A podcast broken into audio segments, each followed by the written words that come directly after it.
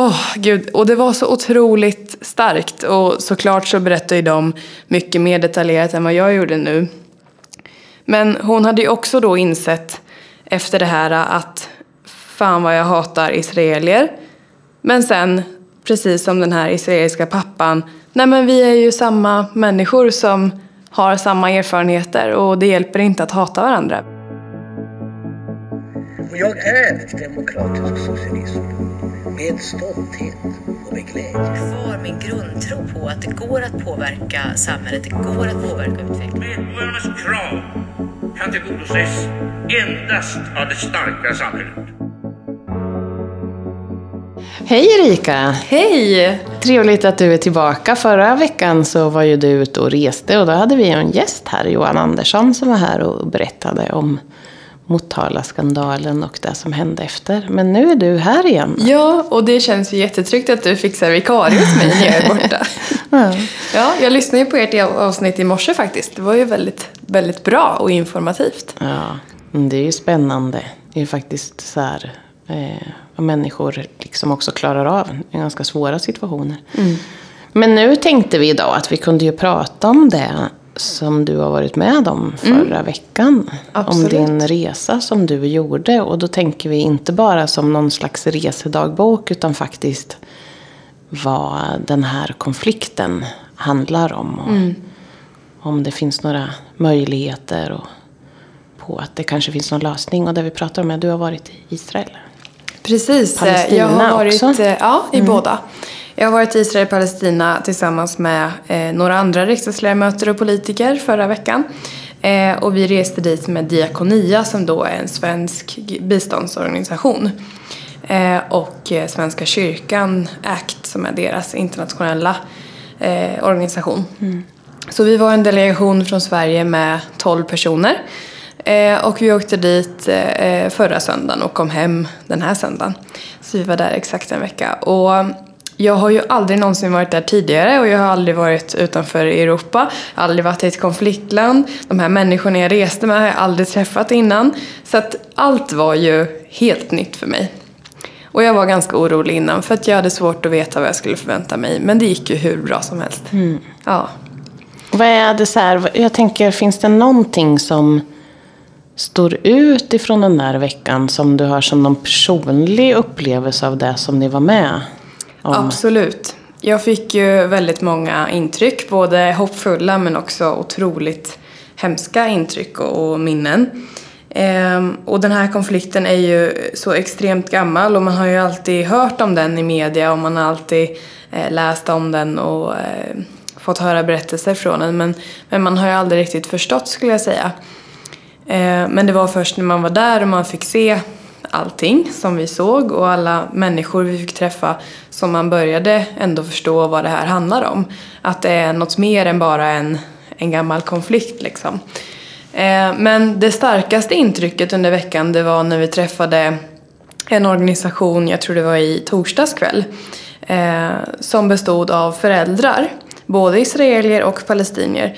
Deras gemensamma nämnare var att de har förlorat sina barn i konflikten på olika sätt. Eh, Så vi träffade dem i Jerusalems gamla stad. Eh, Vi satt där i en och en halv timme och de berättade sina historier. Och vi grät. Hela delegationen. Speciellt jag, för jag gråter till allt. det var... Ja, det var väldigt, väldigt sorgligt. Eh, en pappa som berättade om sin dotter som jobbade i israeliska militären som hade dött eh, på grund av en självmordsbombare vid Gazaremsan av Hamas. Eh, och han då berättade om sorgen efter det här och eh, hur han isolerade sig och hatade liksom palestinier ännu mer efter det här. Han var Israel. Men efter ett tag så insåg han ju att han bär ju på samma sorg och han gråter precis samma tårar som alla andra föräldrar gör i den här konflikten som förlorar sina barn oavsett vilken etnisk tillhörighet man har. Hans historia var väldigt stark, men efter det så var det en ännu starkare historia av en muslimsk mamma som berättade om när hon förlorade sin son. Jag tror att han var fem år gammal och hade vaknat mitt i natten och var väldigt sjuk. Och de skulle då ta honom till sjukhuset. De bodde i Betlehem. Men eftersom att palestinier ofta har väldigt eh, ja, strikta regler kring vart de får åka någonstans inom Västbanken så måste man alltid passera många checkpoints och gränskontroller. Det finns ju vägar som bestämmer vart man får åka och inte åka. Och just den natten så var gränskontrollen till Jerusalem extra hård mot den här mamman och sonen för att hon hade inget tillstånd att åka in i Jerusalem. Så då försökte de åka till närliggande städer för att komma till sjukhus så fort som möjligt. Men det var många vägar som var avstängda den natten och de blev ja, de fastnade i många kontroller av den israeliska gränspolisen.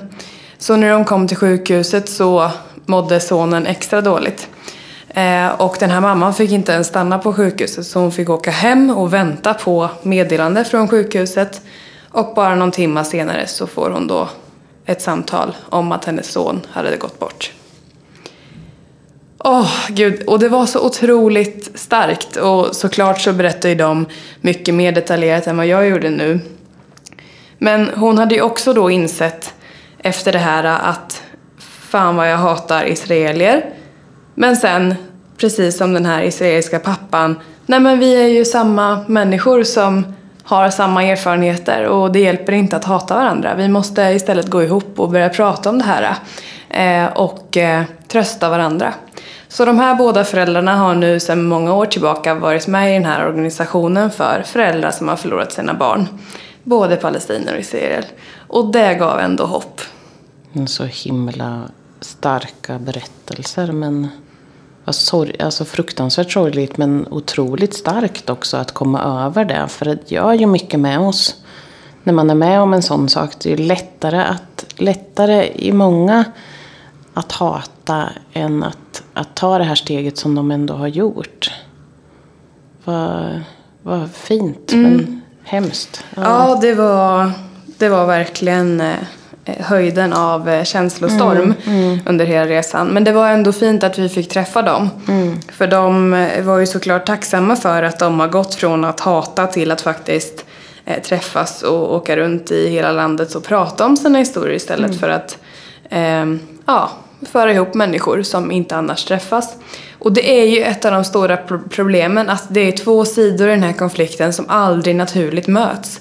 För att samhället är uppbyggt, här är vi och här är de. Eh, det finns inga naturliga mötesplatser förutom då de här initiativen eh, på organisationer som faktiskt skapar mötesplatser mellan människor för att förena och inte hata. Mm. Eh, men de är ju alldeles för få om man kollar på det stora hela. Mm. Ska vi försöka oss på en, någon slags lite mer så här, eh, försök till objektiv beskrivning av vad det här handlar om? Om vi börjar med det. Mm. Så här, lite historia. Vi, vi, är inte liksom, vi, vi, är inte experter men vi försöker oss bara för att förklara den här. Eh, det började ju egentligen efter andra världskriget och rätten till en plats för människor att leva på. Mm. Kan man ju så. Eh, och då bodde palestinier där men, men eh, israelerna, nuvarande, alltså judarna hade ju inte efter, efter andra världskriget en plats att leva på. Och då skulle försöka FN att försöka och, och råda bot på det. Men fattade då beslut om att en plats där det redan bodde människor, att det var dit man skulle flytta. En också en väldigt, inte en plats vilken som helst. Eh, utan en plats som, som är väldigt viktig för många människor utifrån ett religiöst perspektiv. Är ju liksom, betyder ju de här platserna väldigt mycket. Eh, och det beslutet innebar att man nu delade upp de här. Och det innebar att människor som bodde där var tvungna att flytta på sig. För att det skulle leva några andra människor där. Så kan man väl kort beskriva det. Oavsett, tror jag, vad man tycker i den här konflikten tror jag ändå att de flesta kan vara överens om det så långt. Eller hur? Man vet att det bodde människor där. Man vet att det också fattades ett beslut av FN. Det är därefter som på något sätt liksom, eh, åsikterna också går isär. För det handlar om vem som har mest rätt i den här marken ur ett historiskt perspektiv och ett religiöst perspektiv. Där tycker man ju inte lika. Eh, och man tycker heller inte lika om vem man vem som har rätten på sin sida. Men den lilla historiebeskrivningen är väl ändå, eller hur? Det kan man väl ändå säga att det, det, är, man, det är man hyfsat överens om. Absolut. Eh, och man brukar ju säga att det är ett krig mellan judar och muslimer men riktigt så förenklat är det ju inte heller för det är klart att det är de två religioner som är majoriteten av alla människor och generellt sett är israelerna judar och generellt sett är palestinierna muslimerna men det, allt är ju inte svart eller vitt. Det finns ju också en hel del kristna eh, som bor där nere. Eh, eftersom att både Betlehem och Jerusalem ligger där och där Jesus föddes och begravdes och så vidare. Så det är ju en helig plats för väldigt många människor. Eh, och allt handlar ju inte bara om religionen eh, idag heller. Eh, och man kan ju inte heller blanda ihop Israel som stat, att det är judarnas fel att de förtrycker de muslimska palestinierna, utan det är ju så mycket mer än bara religion. Ja, och det är det väl- som är så komplicerat också, att man inte riktigt förstår. Nej, och väldigt mycket sorg i som ligger från båda sidor därför att det som hände under andra världskriget mot en, en, en väldigt stor befolkning, alltså som var helt fruktansvärt, ligger ju också på något sätt i. Så att det är ju många människor som eh, bor i det området som har varit utsatta för väldigt mycket eh, ja, men hemska upplevelser. Och det här tänker jag också spelar roll. För det blir inte heller oviktigt i, i hela den här konflikten. Men samtidigt så är det ju så att det som du beskriver, det är precis alltså den här kvinnan, mammans upplevelse om att hon inte ens kunde komma till sjukvården med sitt sjuka barn. Det är ju faktiskt realiteten för människor som bor där idag. Så oavsett vad som har hänt och vem som har rätt eller inte så är ju det här en, en, en befolkning som lever under fruktansvärda förhållanden. Absolut. Så vad man än, och det är ju det här som blir så svårt och så knepigt och dessutom väldigt många länder som har, väljer, ja men finns ju också, väljer sida i det här och, och, och ibland liksom förstärker också eh, de konflikterna som kanske redan finns. Precis. Ja men verkligen. Och eh, många av de här människornas vardag handlar ju om att de inte har livskvalitet nog att kunna leva normala liv. För att det handlar om så mycket mer än bara eh, rätten att få tycka eller tro på vad man vill rent religiöst eller politiskt. Det som slog mig mest det var ju att det pågår också en konflikt om el och vatten. El och vatten är ju det mest grundläggande vi, vi behöver, vi människor, för att kunna överleva i ett samhälle. Och där såg man ju enorma orättvisor på vilka det är som kontrollerar naturresurserna. Och i det här fallet så är det ju faktiskt israelerna som, som får, får tillgång till allt vatten och elektricitet medan palestinierna får betala extra mycket för att ens få tillgång till el eller inte blir eller, eller inte får tillgång till elnätet. Eh, och vattnet eh, går inte till många palestinier heller och de får samla in vatten via stora vattentankar på taket. Så just den orättvisan också om eh, de grundläggande resurserna vi behöver i ett samhälle var ju eh, brutalt påtaglig. Precis som muren är. Eh, jag har aldrig sett ett samhälle som är så inbyggt i olika eh, kvarter på grund av eh, muren eller staketen som är precis överallt. Man kan se fysiskt hur segregationen i den här staden, eller i de här städerna är. Eh, genom att bosättarna är i sina kvarter och palestinierna är i de andra kvarteren. Eh, och det är en enorm skillnad på hur byggkonstruktioner ser ut och man ser på vissa trädgårdar där de har gröna gräs och växtlighet för att de har tillgång till vatten medan de andra som inte har tillgång till vatten har ingen växtlighet i sina trädgårdar, exempelvis. Så när man väl kommer ner dit så ser man hur uppdelat det här samhället är. Och om man skulle göra någon slags jämförelse så är det väl gamla Öst och Västberlin man skulle kunna jämföra det med. För den är så påtaglig i, ja. Exakt. Kan inte du berätta, för det där med bosättarna är ju, det, det säger vi ju som om alla vet vad det är. Det gör ju inte alla. Vad är bosättare och, och Bosättare är ju en del av Israels eh, ockupationspolitik. Man vill ju inte erkänna Palestina som en egen stat. Och eh, palestinierna bor på Västbanken som är kontrollerad av eh, Israels militär och stat. Och då finns det en hel del bosättare som har då kommit för att bygga bostäder på Palestinas mark. Och då räknas man som bosättare. Och många av dem är judar för att de är israelier. Eh, och det här är ju en, en stor grundbult i hela konflikten att eh, Palestina får inte vara ett eget land för Israel men de får inte heller ha tillgång till sitt egna land som de egentligen har rätt att ha tillgång till. Mm. Så att alla bosättare idag är olagliga som ligger inom Västbanken. Eh, och jag tror att det var cirka 600 000 människor som då är bosättare på palestinsk mark. Mm. De har helt enkelt byggt hus på en mark som de inte själva äger. Och det vet man ju. Alltså det här är ju planerad politik Exakt. som du säger. Alltså ja. Det är ju från, det är en, en, en tanke bakom det och någonting som i, alltså, dagens eh, politiker i, i, Israel understödjer. Så, att, så kan man ju säga. Det är så inte är så att man inte vet om att man bygger på mark som inte tillhör Nej. Israel utan den är uttänkt. Ja, mm. hela syftet med ockupationspolitiken är ju att vinna mer mark till staten Israel och därmed tränga ut den palestinska befolkningen och göra livet för dem så surt som möjligt. Och det såg vi ju flera exempel på under veckan hur man har gjort det.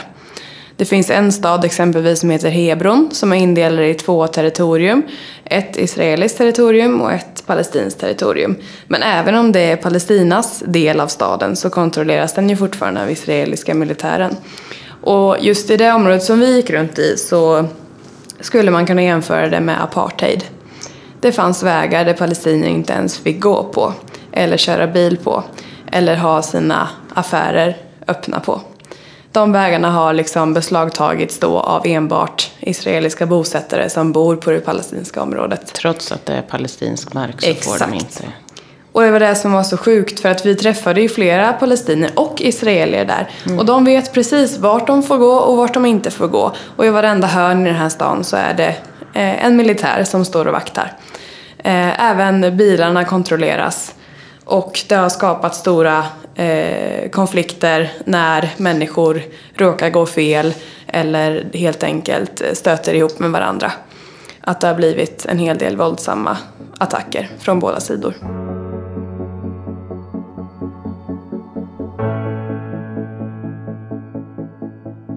Det var ju val ganska nyligen i Israel. Jag kommer inte ihåg när, när men ganska nyligen. Hur, är liksom, hur är, går den politiska debatten och diskussionen? För jag förstår att det finns ett starkt stöd för den nuvarande politiken med bosättarpolitiken också. Men vad är, hade du några, träffade några som som kunde förklara varför. Och vad är, man vill ju ja, gärna förstå absolut. varför man gör och agerar som man gör. Absolut.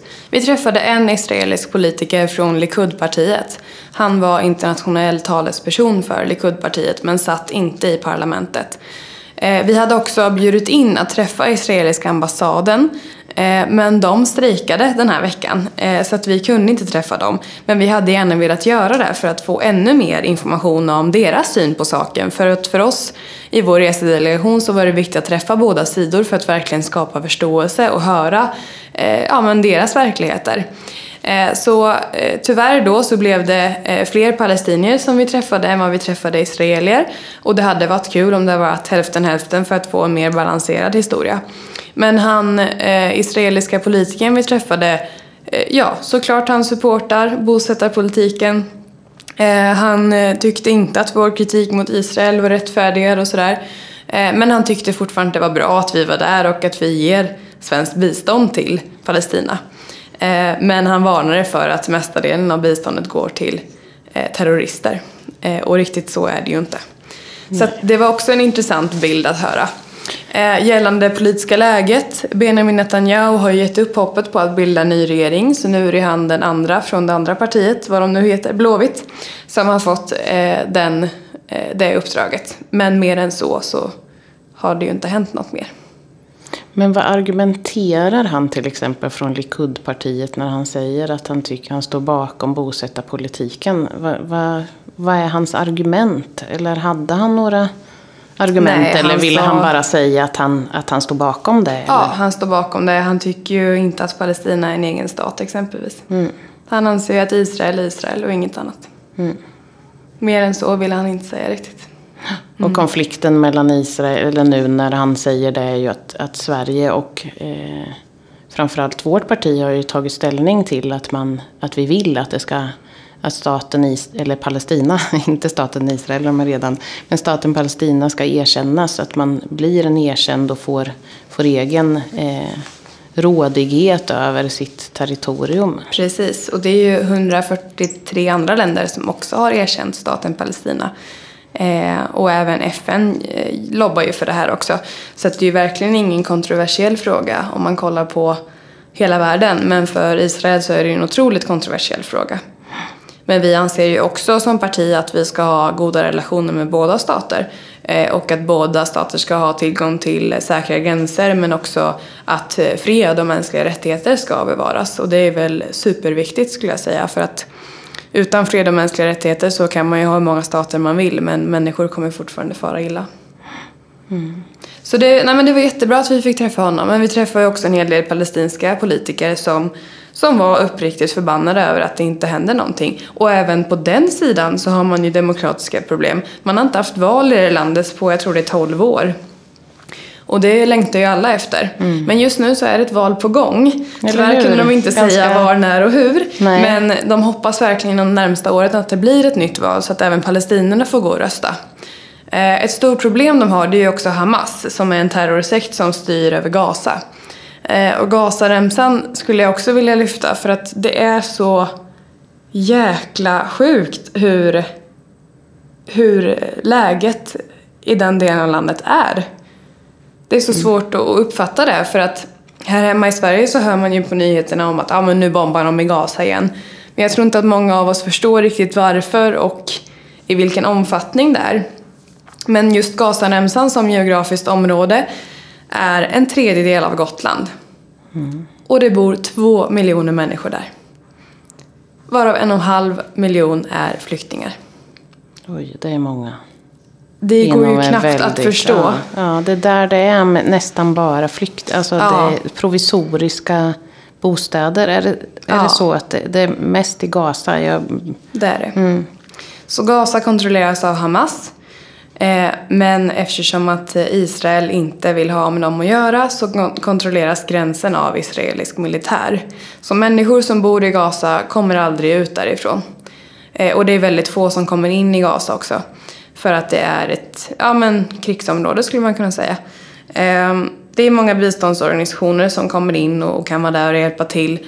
Men det finns ju så otroligt många problem. Det är sjukhusbrist, det är 96 procent av allt dricksvatten går inte att dricka för att det är havsvatten. De har fyra timmar el om dagen i snitt. Och det är en extrem trångboddhet. Det man försörjer sig på där inne förstår jag det som är småföretag som man hopp, liksom hittar på mm. i brist på annat, annan sysselsättning. Det är också jordbruk och det är också fiske. Men även fiske eh, sysselsättningen har blivit svårare för att hela tiden så minskar man fiskearealen i havet precis utanför Gaza som gör att allt färre kan försörja sig på fiske. Vi fick en jättebra eh, informationsdragning om Gaza eh, och den tar jag verkligen med mig att det är ju ett, ja, ett otroligt eh, svårt läge och det krävs många insatser där för att människor ska få det bättre. Finns det någon, något hopp om någon lösning när det gäller Gaza och vad skulle det i så fall kunna tänkas vara? Eh, några av de människor vi har mött har ju sagt att det bästa vore ju faktiskt att Hamas och Israel skulle börja prata med varandra och förhandla om eh, fredslösning eller vapenvila. Det har ju varit vapenvilor till och från men de, de hålls ju riktigt aldrig. Eh, vanligtvis så är det demonstrationer där varje fredag som ofta blir ganska våldsamma. Eh, någonting som är det största problemet är att människor i Gaza skickar ju raketer på Israel för att förstöra för Israel. Eh, för att de kontrollerar Gazas område. Eh, och det här var väl också ett av de mest känslosamma mötena när vi var i staden som ligger ganska nära Gaza som heter Sedrot. Och vi var hemma hos en kvinna som heter Nomika och hon berättade om hela sitt liv som hon har levt i den här staden. Där hon varje dag, varje sekund är livrädd för raketerna. Och mm. raketerna är ju inga eh, liksom avancerade GPS-styrda raketer. Raketerna består av avhuggna lyktstolpar som man fyller med sprängämnen och glassplitter för att de ska kunna förstöra så mycket som möjligt. Och när man avfyrar de här så vet man inte vart de landar. Men många av dem landar ju då i Sedrot som är staden som ligger närmast Gaza. Så i den stan så har man då in, inrättat ett raketlarm som skjuter 10 till 15 sekunder innan varje raket kommer. Man vet aldrig vart den landar. I den stan är det lag på att ha skyddsrum i varenda hus och varje busshållplats har ett betongtak där man kan gömma sig och varje lekpark har ett skyddsrum i backen. Det är helt Ofattbart ofattbart, att- ja, mm. hur människorna lever i den här stan. Och det här är ju en israelisk stad. Eh, Så det finns ju många dimensioner av den här konflikten. På båda sidor. båda där man sidor. mår liksom far. Ja men precis. Absolut.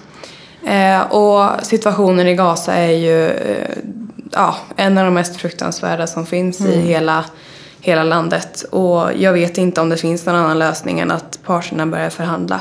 Tyvärr är det många i den unga generationen som börjar ge upp och tror att krig är den enda lösningen för att bli av med det här problemet.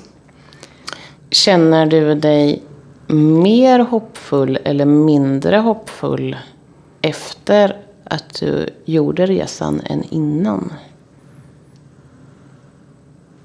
Jag tror att jag känner mig mer hoppfull. Samtidigt som vi också har fått se så många oräkneliga, oräkneliga exempel på att det är så mycket som går åt fel håll. Ehm, men många av dem vi har mött har vi ju frågat vad, vad tror du om framtiden, finns det hopp? Och då säger ju de flesta ja. Eh, och det främsta exemplet på det här det är att, att folk är inte ledsna, folk tycker inte synd om sig själva. De flesta är förbannade och vill ha förändring. Och det är ju en av de främsta politiska drivkrafterna. Så jag hoppas ju verkligen innerligt att det blir förändring. Men det kommer nog ta ett tag. Mm. mm. Men precis som du sa, det här är ju inte ett land som har krig varje dag och skjutningar varje dag eller eh, raketskjutningar eh, varje dag. Så är det ju verkligen inte. Men konflikten är ju så pass eh, nergrävd i, det här, i de här länderna att det är väldigt svårt att ignorera det. Och det här är ju människors vardag varje dag. Även om det inte är våldsamma attacker eller krig. Men eh, även, jag måste bara berätta om ett till besök vi gjorde som faktiskt ingav väldigt mycket hopp. Vi var i en liten by i västra eh, Västbanken där vi träffade eh, två bröder som startade ett bryggeri för 20 år sedan. Och de producerar nu eh, Palestinas enda lokalbryggda öl och de exporterar över hela världen och de har nu eh, liksom utvecklat sitt företag till att brygga vin, eller vad heter det? Producera vin. Men också byggt ett lyxhotell mitt ute i eh, en liten by mitt ute i ingenstans. Och de såg bara massa möjligheter. De har inte tillgång till el från Israel så de har satt dit egna, de? de har satt dit egna solpaneler på sitt hus. De har jätteproblem med vatten för de får inte tillgång till vatten. Då samlar de in eget regnvatten i stora dunkar. Alltså de väl, vänjer liksom, ehm, de vänder allt negativt till det positiva. Och de är superföretagsamma. Samtidigt som de är skitförbannade på att de inte har samma förutsättningar som, som israelerna har. Men det var ändå ett väldigt roligt besök. Eh, att deras fantasi tar aldrig slut. De hade hur mycket planer som helst, även fast de båda var i 60-70-årsåldern. Men jag tänker, ja men det är ju jättefint att höra och jag tänker också att ofta när man är i områden där man tänker att det här måste ju vara hopplöst så tänker jag ändå att det finns otroligt mycket människor med kraft. Det tycker jag är så... Att jag ofta i alla fall blir väldigt imponerad av.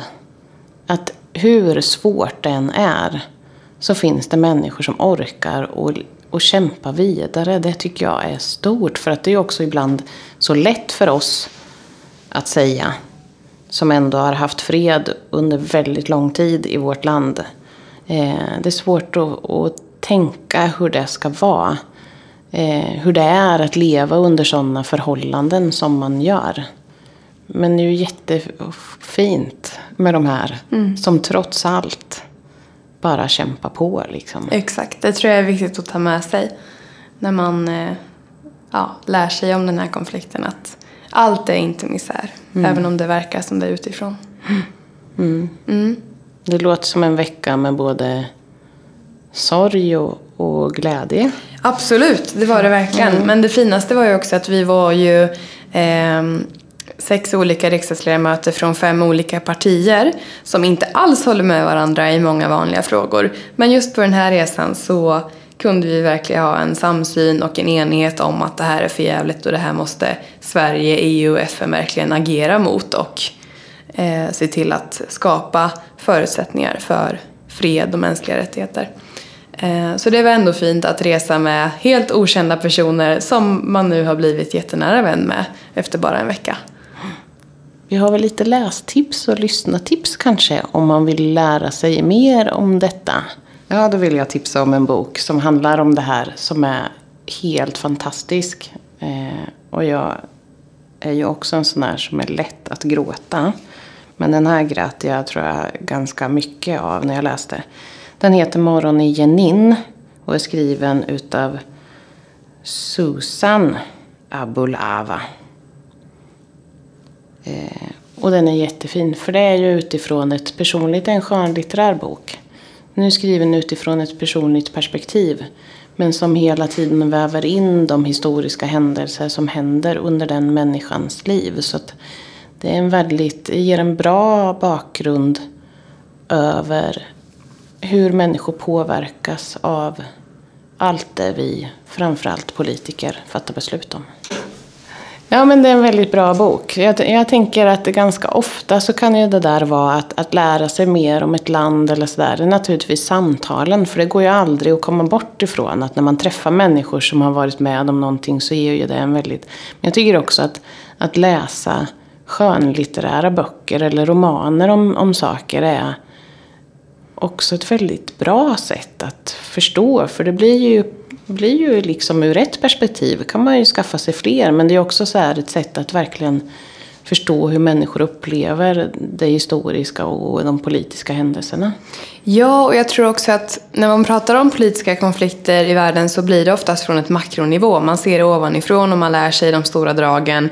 Eh, vi mot dem, de här grupperna krigar just nu eller det här är det man pratar om och sådär. Men det är nog när man först får träffa människor eller läsa deras berättelser på mikronivå eh, som man faktiskt kan eh, sätta sig in i deras situation på ett helt annat sätt. Mm. Jag har den boken i min bokhylla hemma så att det är mitt projekt nu efter resan att läsa Ja, den här för att kunna känna igen och, och veta vilka platser de nämner och sådär. Så det ser jag fram emot. Mm. Jag skulle kunna prata om min resa i, i tio timmar alltså. Mm. Jag har upplevt så otroligt mycket. Men det jag skulle vilja säga eh, slutligen är ju att om ni får chansen att åka dit och göra sådana här typer av besök när man både träffar FN, politiker, mänskliga rättigheter, organisationer men också vanligt folk som bor i den här verkligheten och som bara vill dela med sig av sin livshistoria, så gör det. Det är så otroligt utvecklande. Och du Eva har ju också rest väldigt mycket och träffat olika människor i andra världskonflikter eller andra intressanta länder. Men det kanske vi kan ta i ett annat Det avsnitt. kanske vi tar en annan gång. Ja. Ja, men tack för att du delade med. Det är jätteintressant. Jag har varit jättenyfiken på vad du har varit med om.